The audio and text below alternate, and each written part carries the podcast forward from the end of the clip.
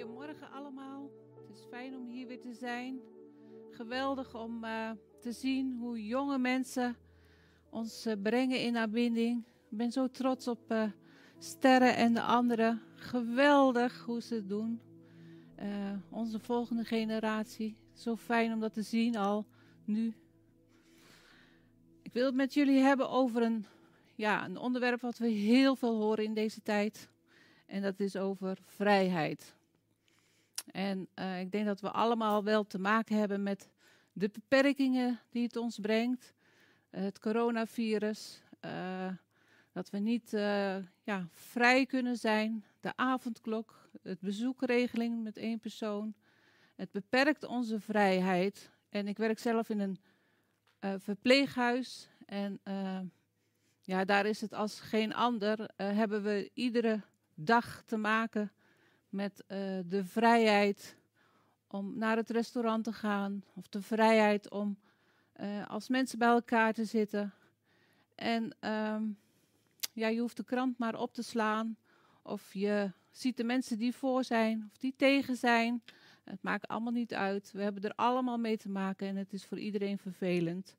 En uh, ja, ik denk dat we toch in een wereld leven waar ja, waar eh, soms een beroep op ons wordt gedaan om op een goede manier met deze vrijheid om te gaan. En, en daarom is het ook goed om te gaan kiezen aankomende week. Het is zo goed om je stem uit te brengen op een partij. Bid ervoor dat God je uh, door de Heilige Geest je laat leiden om op de, de partij te stemmen die het best bij jou past en waarvan je denkt dat het beste is voor Nederland en ook dan voor jou persoonlijk. En ik wilde het met jullie gaan hebben, zoals dat jullie al begrijpen, over vrijheid. En uh, als we gaan kijken naar uh, het Oude Testament, naar Adam en Eva, ze leefden in volkomen vrijheid met God. En het was hun eigen keuze om God te dienen, om vrij met God om te gaan. Uh, ze vrij, we waren eigenlijk vrij om te doen en te laten wat ze wilden. En toen kwam de duivel en die zei tegen hem: Als de, mens van de boom van de kennis uh, eet, uh, dan zou hij worden zoals God.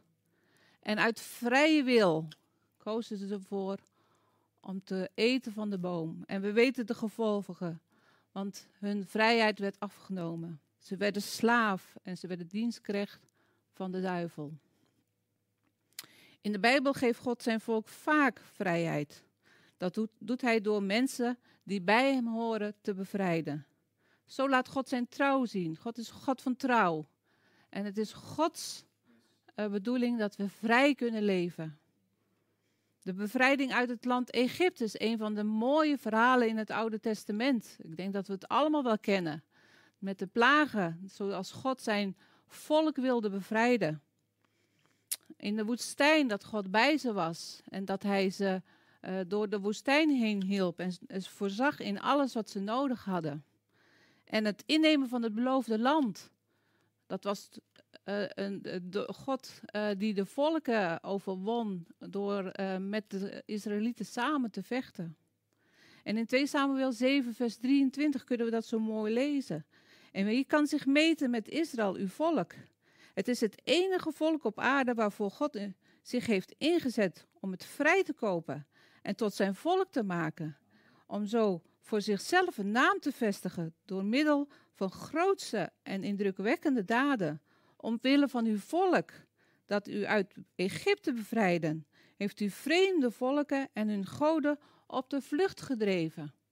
Dus God was bij ze en heeft de volk op de vlucht doen drijven, omdat hij wilde dat zijn volk in vrijheid leefde. En de Bijbel geeft in het Nieuwe Testament echter ook een andere invulling van het begrip vrijheid. Vrijheid betekent in het Nieuwe Testament dat we vrijgemaakt zijn door Jezus Christus, doordat Hij stierf voor ons aan het kruis. Werd de mens bevrijd van de macht van de duivel, waarin hij sinds de zondeval onder moest leven. We hebben vrijheid gekregen, want Jezus maakt waarlijk vrij. Als we ons onderwerpen aan Jezus Christus en ons laten leiden door de Heilige Geest, kennen we ware vrijheid.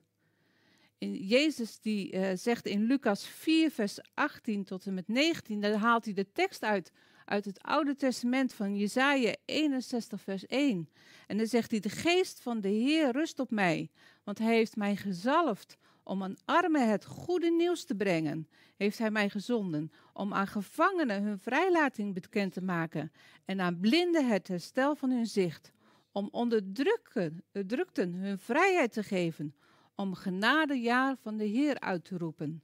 En dan is het zo mooi dat uh, in twee uh, versen verder, in vers 21, dan zegt Jezus: Heden is deze schrift in uw oren in vervulling gegaan.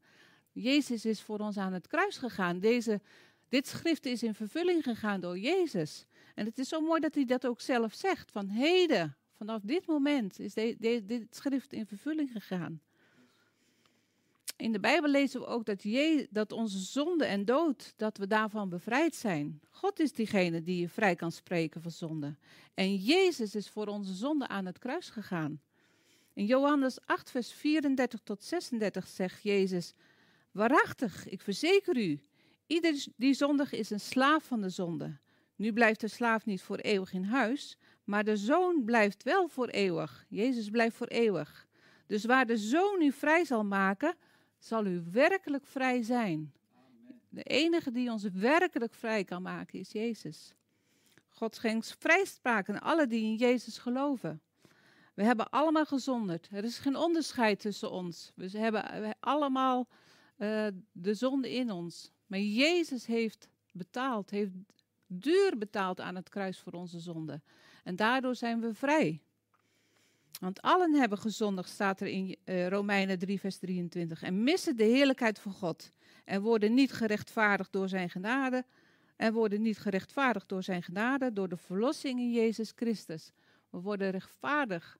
Genade door de verlossing van Jezus Christus. Geweldig.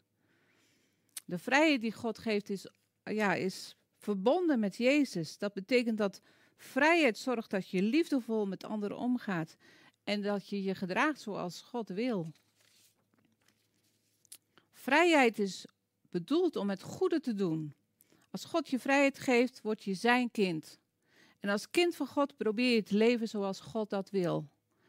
Dan zijn we geen slaaf meer, zoals dat er in Gelaten 4 staat, maar een zoon.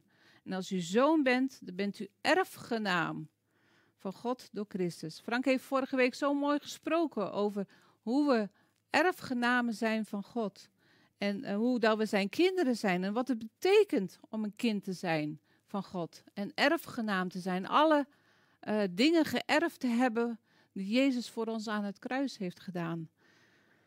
Hij sprak daarover uit Romeinen 8, vers 14. Een geweldig stuk van uh, dat de geest van God ons leidt. Die, uh, de kinderen van God. En dat we daaruit kunnen zien dat, we, uh, dat onze geest met Gods geest kan getuigen dat we kinderen zijn van Hem.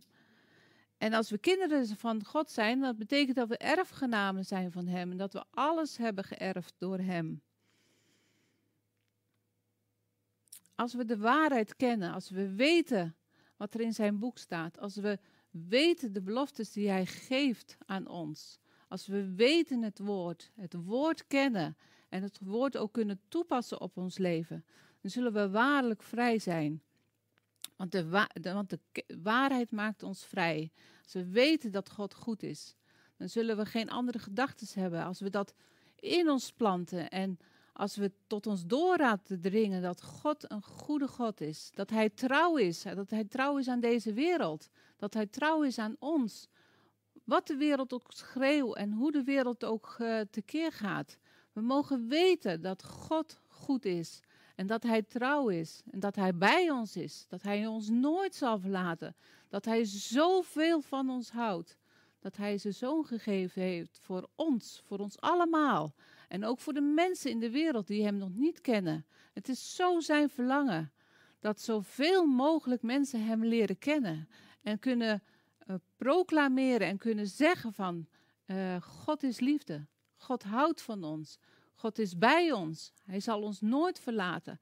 Hij zal ons nooit in de steek laten. Wat omstandigheden ook zeggen, God is erbij. Hij zorgt voor ons. En hij, hij beschermt ons. Zijn, zijn geest is in ons. En door zijn geest kunnen we ons laten leiden. Het is zo geweldig om dat te kunnen beseffen en te weten wat er in de Bijbel staat over ons. Dat we een, geweldige toekomst hebben met Hem. En dat Hij bij ons is. En dat Hij ons nooit, maar dan ook nooit in de steek zal laten. En dan kunnen alle omstandigheden schreeuwen naar ons. En dan kunnen we alle omstandigheden kunnen vervelend zijn. En we maken vervelende dingen mee. Maar één ding weet ik. God is erbij. Hij zorgt voor ons en hij draagt ons door de moeilijkheden heen. En het is zo geweldig om te beseffen dat wij die God hebben. Dat Jezus voor ons aan het kruis is gegaan. En dat wij die God kunnen dienen. En dat we dat kunnen uitstralen naar de wereld om ons heen. Dat God liefde is. Als we Jezus in ons hebben, dan zijn we werkelijk vrij. Dat staat in Johannes 8, vers 36. Zo van, als, als dan uw zoon u vrijgemaakt heeft, zult u werkelijk vrij zijn. We zullen echt vrij zijn. Totale vrijheid. Wij hebben totale vrijheid. Jezus stierf in jouw plaats, zodat jij vrij kon zijn van alles waar je schuld aan hebt, van alle dingen waar je je voor schaamt, van alle dingen waar je jezelf of anderen jou, uh, waar je jezelf of anderen jou voor veroordelen. Er is geen veroordeling voor wie in Jezus is. We horen bij Hem. Veel mensen veronderstellen dat als er een God zou zijn die de hemel en aarde gemaakt heeft en die betrokken is op ons leven, dat die God wel diep teleurgesteld zou zijn en boos zou zijn. Want wat maken we een, een, een zootje van in deze wereld? En in ons eigen leven ook vaak. Maar niemand, want niemand leeft zonder schuld. En daar hoef je echt geen christen voor te zijn om dat, ja, dat te ervaren. En het verrassende is dat Jezus zegt, als je met je schuld bij mij komt, dan vergeef ik voor jou die schuld. Het hoeft niet meer in de weg te staan. God is niet boos, want hij vergeeft je, omdat ik voor je gestorven ben. Hij is daarvoor aan het kruis gegaan. Het is zo geweldig om dat te kunnen beseffen, dat kunnen toepassen in ons leven. Geen schuld, dus vrijheid. Dat is het grootste geschenk van genade. De onverdiende verlossing. Iedereen die gelooft in Jezus ontvangt deze vrijheid. We zijn immers gered door uh, die genade, dankzij uw geloof. Maar dat, u niet aan, dat dank u niet aan uzelf, het is een geschenk van God. Een geschenk wat we vrij mogen ontvangen, waar we niets voor terug hoeven te doen. Dat we gewoon kunnen ontvangen in alle vrijheid. En dat het, heeft geen gevolgen voor onze daden. Dus niemand kan zich ervoor uh, voorop staan, staat er in Efeze 2, vers 8. Het is niet iets wat wij doen, het is iets wat Jezus heeft gedaan voor ons. En in die vrijheid mogen we leven voor hetgeen wat Jezus deed. Het is genade. We hoeven ons niet uh, anders voor te doen. We mogen vrij zijn in Hem. We kunnen ons laten leiden door Zijn geest. Uh, als kinderen van God leidt Hij ons op de weg die we gaan. We hoeven ons niet in alle bochten te wringen om uh, maar goed te kunnen doen. En als we maar dit doen, dan hebben we een streepje voor. God leidt ons door zijn geest. En we hebben de Heilige Geest in ons. En als we daarnaar luisteren, dan weten we welke dingen we moeten doen. Weten we welke dingen we moeten zeggen en soms niet moeten zeggen. Uh, weten we wat Gods plan voor ons leven is. Hij heeft een geweldige toekomst voor ons. En niets zal dat tegenhouden. Geen coronavirus, geen dingen die over de aarde gaan, geen oorlogen. God heeft een geweldig plan voor ons. En we mogen daarin wandelen. En ondanks omstandigheden mogen we weten dat Hij bij ons is. En dat Hij ons nooit zal verlaten. En dat Hij ons leidt op de weg die we gaan. Het is zo geweldig om die God te kunnen dienen. Niets kan onze vrijheid afpakken. We zijn vrij omdat Jezus voor ons aan het kruis is gegaan. We zijn vrij van gebondenheid. We hoeven niet gebonden te zijn. We zijn vrij van verslavingen. We hoeven niet verslaafd te zijn aan bepaalde middelen of dingen. We kunnen vrij zijn omdat Jezus voor ons aan het kruis is gegaan. Daarom kunnen we vrij zijn van sigaretten. Daarom kunnen we vrij zijn van drank. Daarom kunnen we vrij zijn van drugs. Daarom kunnen we vrij zijn van te veel eten. Daarom kunnen we vrij zijn van alles wat ons gebonden houdt. En soms is het lastig om eruit te komen. Maar weet dat God je vrij kan maken. Vrij kan zetten van verslaving. Vrij kan zetten van gebondenheid. Hij heeft een geweldig plan met je. En hij gaat verder, ondanks je gebondenheid. Gaat hij verder met je. Je hoeft niet eh, zielig in een hoekje te gaan zitten, want God is erbij. En hij helpt je bij alles wat je onderneemt. We zijn vrij van de wet. We hoeven niet uh, ons aan de wet meer te houden. We zijn vrijgekocht van de wet, omdat Jezus voor ons aan het kruis is gegaan. En we hoeven ons geen slavenjuk op te leggen. Dat is soms zo dat we denken door bepaalde dingen wel of niet te kunnen niet te doen, dat we daardoor God kunnen behagen. Maar dan leggen we onszelf een slavenjuk op. Maar Jezus is daarvoor aan het kruis gegaan. We zijn vrij en we hoeven niet van alles, want we zijn vrijgekocht door Hem. Jezus geeft echte vrijheid. Als we onderwerpen aan Jezus en ons laten leiden door de Heilige Geest, ontdekken we wat ware vrijheid is. En dat heeft niks met onze omstandigheden te maken, maar dat is vrij zijn in Hem. Hij leidt ons in de levensstijl die God wil, waarbij we niet langer gedreven worden door de omstandigheden, maar door de opofferende liefde van God. God is liefde. En als we God echt kennen en dienen, zal Hij zijn liefde in ons hart uitstorten.